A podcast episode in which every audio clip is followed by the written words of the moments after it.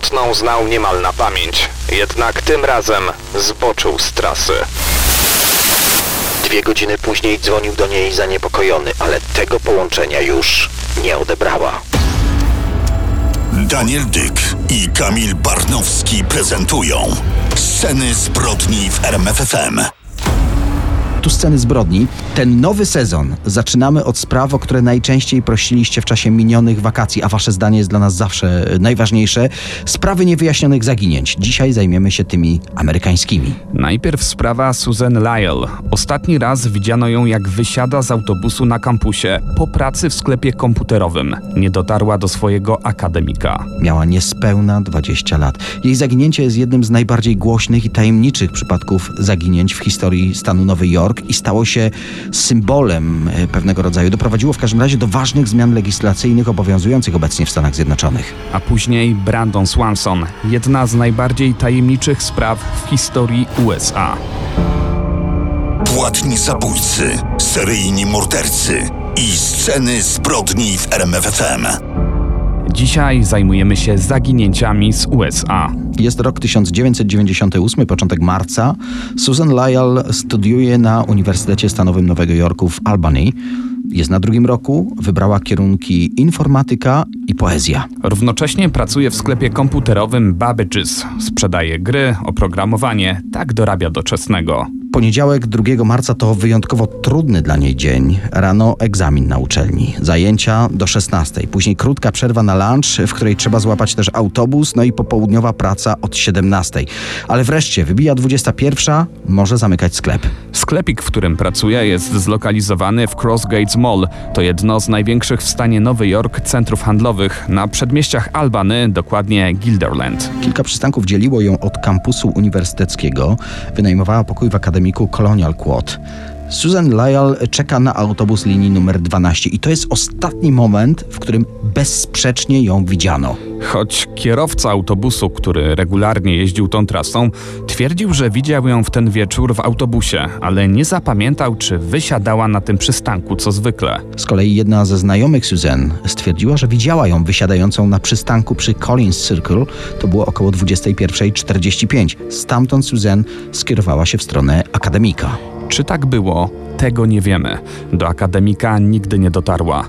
Musimy wspomnieć, że co do tych dwojga świadków, pojawiły się jednak wątpliwości, czy koleżanka i kierowca autobusu widzieli Suzanne na pewno w wieczór jej zaginięcia. No to zanim zbadamy prawdopodobne wątki, zostańmy jeszcze przy faktach. Susan urodziła się w Saratoga Springs w stanie Nowy Jork 6 kwietnia 78 roku. Była najmłodszym z trójki dzieci Daga i Mary Lyle. Rodzina mieszkała w Ballston Spa. Rodzice opisywali swoją najmłodszą córkę jako radosną, inteligentną i ambitną osobę. Suzanne była towarzyska, miała wielu przyjaciół. Rodzina bardzo się kochała. Jej starsze rodzeństwo z kolei opisywało Susan jako oczko w głowie rodziców, raczej cicha i spokojna. Przypominają, że potrafiła wybiec spod prysznica z szamponem we włosach, nie zważając na krople wody spadające na jej zeszyt, zapisywała w nim wiersz, bo akurat wena do poezji trafiła ją w czasie kąpieli. Była fanką kanadyjskiego zespołu Rush, uwielbiała też szyć, ale jej największą pasją były komputery. Gdy miała około 10 lat, jej tata kupił Commodore. No, w naszych czasach się po prostu mówiło Commodore. Tak czy siak komputer. I jak wspomina mama Mary Lyle a propos tego komputera, nikt nie wiedział, co to właściwie jest komputer. A Commodore wtedy tylko dodawał i odejmował i to bardzo wolno, ale ona była bardzo tego ciekawa. Zanim skończyła 12 lat, rozbierała komputer i składała go na nowo. Była bardzo zafascynowana tym, że mogła przez komputer łączyć się i rozmawiać z innymi ludźmi. Co naturalne, chciała zgłębiać informatykę. Jesienią 96 roku zapisała się na studia komputerowe, ale jej nauczyciele praktycznie niczego nie potrafili ją nauczyć. Wiedziała więcej od nich. Postanowiła więc przenieść się na studia na Uniwersytecie w Albany, bliżej jej domu, licząc, że tu dowie się czegoś nowego. Mówiliśmy, że wybrała studia informatyczne i jednocześnie studiowała poezję. Coś dla ducha, coś dla ciała. Nowe technologie dałyby jej znakomity zawód, a poezja to by był jej sposób wyrażania siebie. Nadal pisała wiersze, nadal pisała opowiadania. Na studiach poznała Richarda Candona. Byli ze sobą w sumie ponad rok. To on był ostatnią osobą, która rozmawiała z Suzanne. Dodajmy, rozmawiała telefonicznie. Jak później zeznał, co zresztą potwierdziły bilingi telefoniczne, Richard rozmawiał z Susan przez telefon o godzinie 21.45. Usłyszał od niej, że jest w autobusie i zaraz będzie na miejscu. Jak zwykle, typowy powrót z pracy. Nie wiadomo, czy wysiadła z autobusu na swoim przystanku. Richard zadzwonił do niej ponownie o godzinie 23.45, ale tego połączenia nie odebrała. Następnego dnia rano Richard dowiaduje się od współlokatorki Suzy, że ta nie wróciła na noc do pokoju. Jej telefon nadal milczy. Chłopak zawiadamia więc matkę Suzanne. Dzwoni do niej i mówi, że dziewczyna nie odbiera telefonu, nie może się z nią skontaktować. Co do niej niepodobne, nie dostał od niej także żadnej wiadomości ani e-maila. Jej rodzice zaalarmowali ochronę uczelnianą. Służby uspokoiły ich, że studentom wciąż się to zdarza, nie wracają na noc, ale w końcu ich córka na pewno się pojawi. Tak się nie stało. Ochrona na żądanie rodziców ustaliła, że córka nie pojawiła się na zajęciach. Obiecali natychmiast zgłosić zaginięcie na policję, ale to znów miało po prostu uspokoić rodziców. Dopiero dwa dni później, gdy Suzanne nie pojawiła się na kolejnym egzaminie, ochrona uczelni potraktowała sprawę poważnie i rzeczywiście dała znać policji. Dopiero wtedy rozpoczęły się poszukiwania, w które zaangażowano lokalne władze, FBI i lokalną społeczność.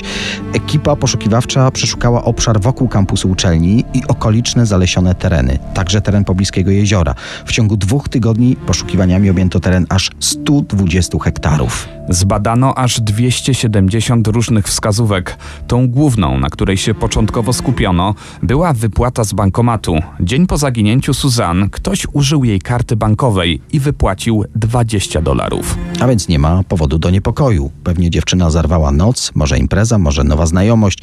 Nie takie rzeczy robią młodzi ludzie, zwłaszcza w czasie studiów. Ten trop do dziś budzi wiele kontrowersji, bo lokal, w którym znajdował się bankomat, miał monitoring, ale kamera nie nagrywała bezpośrednio okolicy samej maszyny ATM.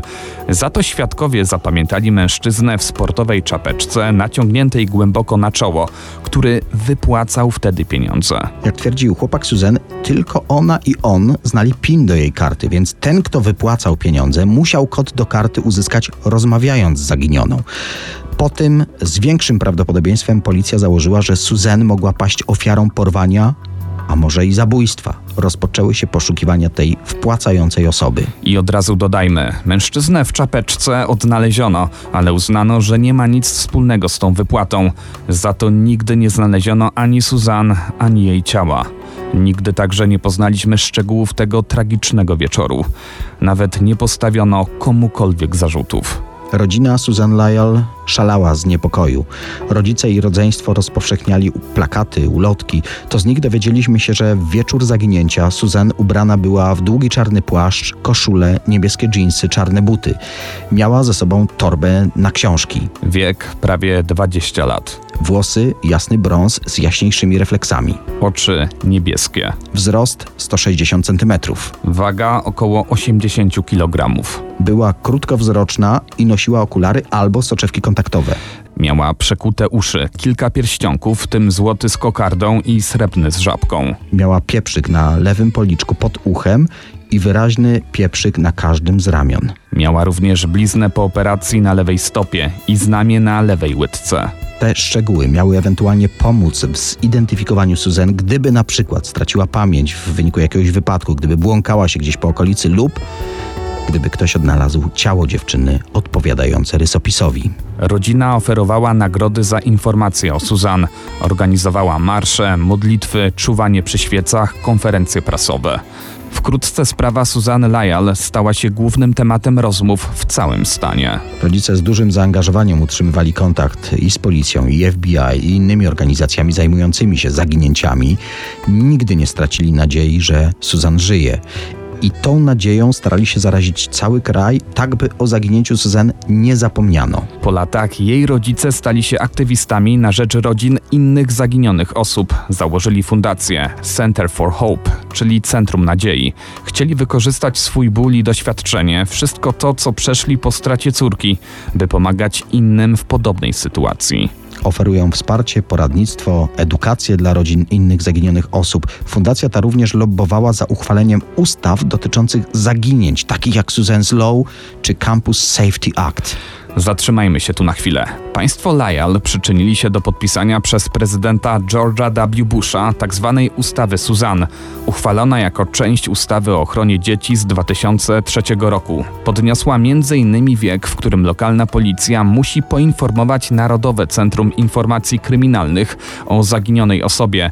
Górny limit to nie 18, a 21 lat. Pięć lat później podpisano również ustawę o bezpieczeństwie na kampusach Susan Będącą częścią ustawy o szansach w szkolnictwie wyższym. Oparto to na podobnym akcie uchwalonym przez stan Nowy Jork rok po zniknięciu Susan. Wymaga ona od Departamentów Policji Akademickiej, czyli tej, ochrony uczelnianej, gromadzenia dokumentacji dotyczącej śledztw w sprawie zaginięć i poważnych przestępstw na kampusach. Inna ustawa Suzanne, kilkakrotnie uchwalana przez Senat stanu Nowy Jork, ale jeszcze nie poddana głosowaniu w Zgromadzeniu Stanowym, również zwiększyła kary za przestępstwa z użyciem przemocy na terenie i w pobliżu placówek edukacyjnych. Rodzina Suzanny wydała także książkę zatytułowaną Where's Suzy? Jest z jednej strony dokumentem ich walki o odzyskanie córki, ale także czymś w rodzaju najdroższej pamiątki po niej i, i dla niej. W książce zamieścili jej poezję, a także napisane przez nią opowiadania. Przyjaciele i rodzina dzielą się także osobistymi wspomnieniami związanymi z Suzy. Głównym celem książki jest podnoszenie świadomości dotyczącej zaginięć w Stanach Zjednoczonych. Susan Lyell stała się symbolem. Jej zaginięcie pozostaje jedną z najbardziej tajemniczych i poruszających spraw w historii stanu Nowy Jork. Policja podjęła intensywne śledztwo, przesłuchując setki osób i sprawdzając alibi każdego potencjalnego podejrzanego.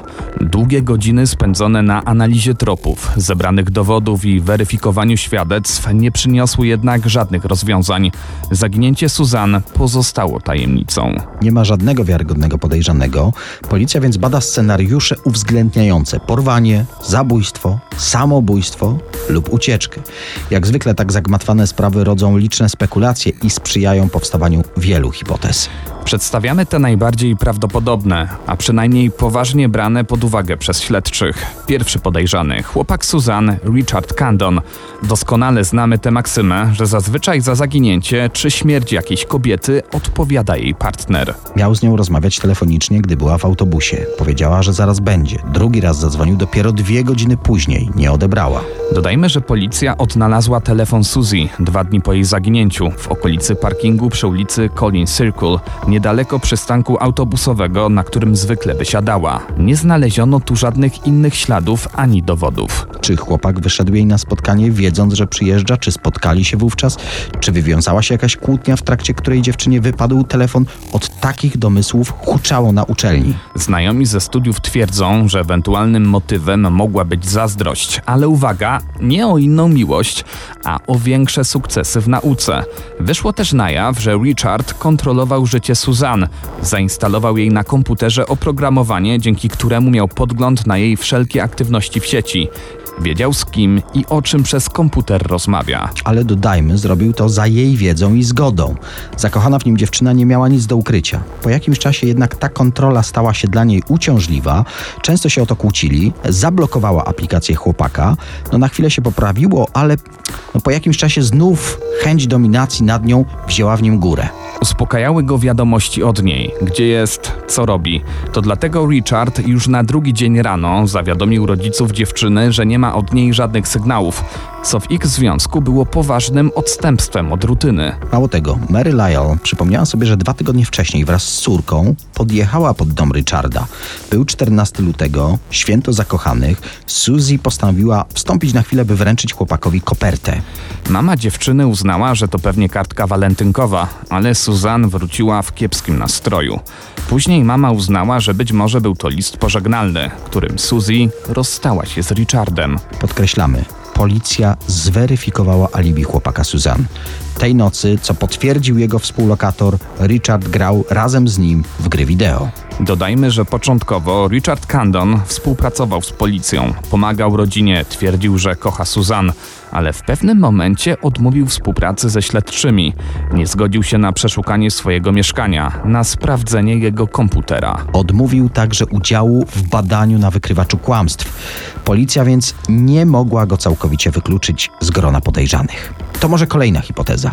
Porwanie przez nieznajomego. Część śledczych uważa, że Suzanne mogła zostać uprowadzona przez jakąś obcą osobę, najprawdopodobniej mężczyznę, który podjechał do niej samochodem i zmusił ją do wejścia lub skusił ją jakąś propozycją. Koleżanka z pracy przypomniała sobie, że mniej więcej miesiąc przed zaginięciem Susan żaliła się jej, iż jakiś mężczyzna niezdrowo się nią zainteresował. Policja sprawdziła ten trop. Wiele wskazywało na to, że jakiś człowiek mógł obserwować Suzanne i podążać za nią tego feralnego wieczoru. Mężczyzna, którego tożsamości nigdy nie udało się ustalić, został zauważony przez jednego ze świadków już na parkingu Crossgates Mall około 21.20 w wieczór zaginięcia Suzanne. Zachowywał się na tyle podejrzanie, że świadek zwrócił na niego uwagę. Opisał go jako białego mężczyznę w wieku około 30 lat, o średniej budowie ciała i włosach blond lub rude. Nie ma jednak żadnych dowodów na to, że mógł mieć związek z jej zaginięciem. Rodzina Lyle twierdzi, że Suzanne była mądrą osobą i nie byłaby skłonna do jakiejś ryzykownej propozycji, czy nawet rozmowy z obcymi ludźmi. No to kolejna hipoteza: samobójstwo lub ucieczka. Suzanne mogła popełnić samobójstwo albo uciec z powodu depresji lub problemów osobistych, choćby związanych z tą nadmierną kontrolą przez jej chłopaka. Pojawił się wątek, że mogła nie być szczególnie szczęśliwa w Albanii, że miała jakieś trudności w nauce, a także i w relacjach z pewnymi ludźmi. I znów, jej najbliżsi zaprzeczają, że była skłonna do takiej decyzji. Nie znaleziono żadnej notatki pożegnalnej, ani dowodów na to, że planowała zniknąć. Niektórzy sugerują, że Suzanne mogła paść ofiarą seryjnego mordercy, takiego jak Israel Keys, który był aktywny w Albanii w 98 roku właśnie. Jego zbrodnią zresztą poświęciliśmy podcast numer 30, Nieuchwytny drapieżnik. Polecamy. Co ciekawe, Israel Keys miał mieć na swoim komputerze zapisane imię Suzanne. Inny z badanych tropów to John Reagan, seryjny przestępca seksualny, który został skazany za próbę porwania nastolatki w Saratoga Springs w 2005 roku. Usiłował ją wepchnąć do swojego wana. Reagan był nauczycielem w szkole średniej Suzanne i mieszkał niedaleko jej rodzinnej miejscowości. Policja nie znalazła jednak dowodów na to, że miał wówczas kontakt z Suzanne lub był w Albanii w dniu jej zniknięcia. Podkreślamy, żadna z tych hipotez nie została ani potwierdzona, ani odrzucona przez policję. Sprawa zaginięcia Susan Lyle po 25 latach nadal pozostaje otwarta. Sceny zbrodni w RMFFM. Dzisiaj opowiadamy o najbardziej tajemniczych zaginięciach w USA. A propos kolejnej historii, czytając artykuły na jej temat, często znajdziemy takie nagłówki jak rozpłynął się w powietrzu lub zapadł się pod ziemię, jak kamień w wodę. Trzeba przyznać, że dużo w tym prawdy. Przenieśmy się do miasta Marshall w stanie Minnesota, czyli jesteśmy na północy USA. 13 maja 2008 roku to wyjątkowy dzień dla 19-letniego Brandona Swansona. Następnego dnia ma odebrać dyplom szkoły technicznej, gdzie kształcił się w kierunku energetyki wiatrowej. Rozpoczynały się więc dla niego najdłuższe wakacje życia, a potem wymarzone studia poświęcone odnawialnym źródłom energii. Oczytany chłopak o szerokich zainteresowaniach był bardzo rodzinny i koleżeński. Od kilku lat dorabiał również w sklepiku spożywczym i piekarni. Miał więc oszczędności, za które kupił zielonego Chevroleta Lumina. 13 maja około 18 wsiadł do swojego samochodu. Pojechał do niewielkiej miejscowości Lind, gdzie mieszkali jego znajomi ze szkoły. Podróż trwała zaledwie 10 minut. Posiadówka pięciu osób przebiegała bardzo spokojnie. Około 22.30 Brandon pożegnał się z kumplami i pojechał na kolejną imprezę, tym razem do miasta Canby, aby pożegnać swojego kolegę z kursu. Dziewiętnastolatek doskonale znał trasę do tego miasta. Codziennie jeździł tam na zajęcia swoim samochodem. Po 40 minutach podróży witał się już z uśmiechniętymi rówieśnikami, świętującymi koniec ważnego etapu w życiu. W Canby Brandon Swanson nie pobył zbyt długo, bo już po północy wracał do rodzinnego domu w Marshall. Drogę powrotną znał niemal na pamięć. Przemierzał dokładnie tę samą trasę w drodze na uczelnię setki razy. Jednak teraz, zamiast jechać autostradą numer 68, która doprowadziłaby go niemal pod drzwi swojego domu, zboczył z trasy. Dokładnie skręcił w żwirową drogę bardzo słabej jakości, którą okoliczni farmerzy dojeżdżali na swoje pola. Brandon najprawdopodobniej wykonał ten nietypowy manewr w obawie o swoje prawo jazdy. Jakiś czas temu został złapany na jeździe po spożyciu alkoholu.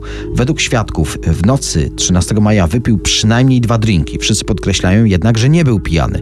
Student, gdyby został ponownie złapany na takim przestępstwie, straciłby swoją licencję na prowadzenie samochodu, a nawet mógłby trafić do aresztu. Dlatego prawdopodobnie podkreślamy, w obawie przed policyjnymi patrolami jechał bocznymi, nieoświetlonymi drogami. Jazda w tak trudnych warunkach nie mogła skończyć się dobrze. Około 1.15 Chevrolet Lumina wjechał w końcu do płytkiego rowu. Część pojazdu zawiesiła się o pobocze, co oznaczało koniec jazdy. Chłopak zadzwonił więc do swoich znajomych z nadzieją, że ktoś weźmie go na hol. Jednak nikt nie odbierał telefonu. Zdesperowany Brandon zatelefonował w końcu do taty, aby przyjechał mu na ratunek. Rodzice chłopaka, obudzeni w środku nocy, wsiedli do swojego pick-upa i pojechali w kierunku syna. Byli spokojni, bo Brandonowi nic się nie stało, a Chevrolet utknął naprawdę niedaleko mieszkania. Jednak z pozoru szybka rodzinna pomoc drogowa przybrała tragiczny obrót. Brian Swanson, ojciec Brandona, doskonale znał okolice, więc wiedział, gdzie jechać. Ale po przyjeździe we wskazane miejsce nigdzie nie widział swojego syna. Zadzwonił więc do niego, aby zamrugał światłami i nacisnął klakson. Nie dostrzegł jednak żadnych sygnałów. Rodzice dochodzą więc do wniosku, że dziewiętnastolatek w tym całym zamieszaniu, w tym stresie podał błędną lokalizację. Chłopak, pewny swego, przekonywał znów, że to rodzice pojechali w złe miejsce. Między krewnymi dochodzi do drobnej sprzeczki. O 2.17 poirytowany Brandon powiedział, że jest blisko miejscowości Lind, więc pójdzie pieszo na parking przed tamtejszym barem, gdzie się spotkają. Brian odwozi zmęczoną żonę do domu. Następnie dzwoni do syna, chce mieć pewność, gdzie dokładnie jest. Mimo tego, że był środek maja, to chłodne noce w Minnesocie dawały w kość. 14 maja temperatura spadła poniżej 4 stopni Celsjusza. Dodajmy do tego jeszcze wiatr, który potęgował uczucie zimna. Mężczyźni cały czas rozmawiają ze sobą. Brandon opowiada, jak to maszeruje żwirową drogą, że widzi już światła zabudowań w miejscowości, do której zmierza. Po chwili zbacza z drogi i idzie na skróty przez zarośla. Przechodzi przez ogrodzenie na polach, przekonuje, że obok płynie rzeka. W 47 minucie rozmowy krzyczy o cholera, po czym milknie. Połączenie zostaje zakończone. Brian wielokrotnie próbuje dodzwonić się do syna, bezskutecznie. W słuchawce słychać standardowy sygnał połączenia, ale nikt nie odbiera. Rodzina Brandona rozpoczyna poszukiwania, jednak nie ma po nim żadnego śladu w miejscach, przez które rzekomo przechodził. Wczesnym rankiem zgłaszają zaginięcie na lokalnym posterunku policji. Początkowo funkcjonariusze sprawę bagatelizują, przekonują, że 19-latek ma prawo czasem zniknąć z radarów rodziców. Swansonowie działają więc na własną rękę. Dopiero w okolicach południa policja w końcu wkracza do akcji. Dość szybko na podstawie geolokalizacji komórki Brandona ustalono, że urządzenie logowało się w zupełnie innym miejscu niż relacjonował chłopak, dokładnie na północ od rodzinnej miejscowości Marshall. Telefon chłopaka nie miał wbudowanego odbiornika GPS, dlatego mimo tego, że urządzenie było włączone, nie można było ustalić jego dokładnej lokalizacji. Około 12.30 zielony Chevrolet Lumina został znaleziony na żwirowej drodze w odległości około 30 km od domu Brandona Swansona. Potwierdzało to dane z geolokalizacji komórki poszukiwanego. Jak to możliwe, że chłopak aż tak mocno zbłądził? Wszyscy powtarzali, że doskonale znał okolice. W samochodzie nie znaleziono żadnych śladów walki, alkoholu czy też innych środków odurzających. Na porośniętym poboczu i ubitej drodze trudno było dostrzec jakiekolwiek ślady po studencie. Wszyscy zadawali jedno pytanie: co stało się z Brandonem? Szczegóły śledztwa za moment w RMFFM. Przy takiej muzyce to nawet ta wizja kończącego się lata nie jest aż tak straszna. Tutaj sceny zbrodni w radiu RMFFM wracamy do tajemniczego zniknięcia Brandona Swansona. Na miejsce porzuconego samochodu chłopaka przyjechała ekipa z psem tropiącym. Zwierzęta złapały trop i przez około 4 km prowadziły policjantów wzdłuż żwirowej drogi. Następnie przez zarośla do opuszczonej farmy, aż w końcu ślad zapachowy prowadził wzdłuż rzeki Yellow Medicine. W pewnym momencie pies wskoczył do wody, następnie podążał dalej po drugiej stronie rzeki, gdzie po chwili zgubił trop. Trasa, którą wskazywały dzielne czworonogi, pasuje do wspomnianej wcześniej rozmowy, którą zaginiony prowadził ze swoim ojcem. Długość marszu, okoliczności przyrody, płynąca rzeka wszystko się zgadzało. Nurkowie i ekipy na łodziach dokładnie przeszukały rzekę na sporym odcinku, jednak nie znaleziono żadnego śladu po chłopaku. Niezliczona ilość wolontariuszy dokładnie przeczesywała wytypowany obszar, ale nikt nie znalazł choćby najmniejszego śladu po Brandonie, portfela, dokumentów, telefonu albo części garderoby. Z każdym upływającym tygodniem rodzina Swanson traciła nadzieję na to, że ich syn wróci do domu cały i zdrowy. Bliscy chłopaka chcą poznać prawdę, co wydarzyło się tego feralnego dnia. Według najbardziej prawdopodobnej hipotezy, Brandon potknął się albo poślizgnął niedaleko miejsca, które wskazały psy tropiące i wpadł do rzeki. Był poirytowany całą sytuacją, do tego pod wpływem alkoholu. Cierpiał na spore ubytki wzroku w jednym oku. To wszystko spowodowało, że nie dostrzegł przeszkody na swojej drodze. Po tym jak wpadł do lodowatej wody, jego telefon przestał działać. Brandon być może dopłynął na brzeg i kontynuował marsz tam, gdzie psy zgubiły trop. Upadek do wody mógł jednak spowodować jakiś poważny uraz ciała. Do tego, pamiętajmy, bardzo niska temperatura, około 4 stopni Celsjusza, do tego silny wiatr. To mogło doprowadzić przemoczonego chłopaka do hipotermii. Zdezorientowany Brandon mógł wyziębić się na śmierć. Jednak w takim wypadku, co stało się z ciałem studenta? Porwał je nurt rwącej po roztopach rzeki. Śledczy wielokrotnie przeszukali rzekę Yellow Medicine, która w pewnym momencie zupełnie wyschła. Wtedy przekopano za pomocą maszyn sporą część koryta Yellow Medicine. Wszystko na nic. Nie znaleziono najmniejszego śladu Brandona Swansona. Bardziej sensacyjne teorie zakładają, że chłopak mógł zostać zaatakowany lub był świadkiem jakiegoś przestępstwa. Jednak prawdopodobieństwo takich wydarzeń w szczerym polu o trzeciej w nocy no jest praktycznie minimalne. Inne wersje wydarzeń zakładają, że chłopak wpadł do jakiejś studni lub zbiornika wodnego, z którego nie mógł się wydostać.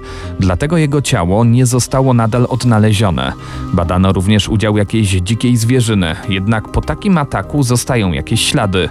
Może chłopak zawędrował daleko poza obszar poszukiwań, lub rzeka wskazana przez psy nie była tą właściwą. Te pytania nadal czekają na odpowiedź. Sprawa Brandona Swansona przyczyniła się do zmiany prawa w stanie Minnesota. W dużym skrócie, od lipca 2009 roku policja ma obowiązek przyjąć zgłoszenie zaginięcia niezależnie od okoliczności i czasu, kiedy doszło do zdarzenia, oraz czy sprawa dotyczy dziecka czy osoby dorosłej. Być może, gdyby w maju 2008 roku służby zaczęły działać odpowiednio wcześnie, los Brandona Swansona byłby dzisiaj znany. Płatni zabójcy, seryjni mordercy i sceny zbrodni w RMFFM.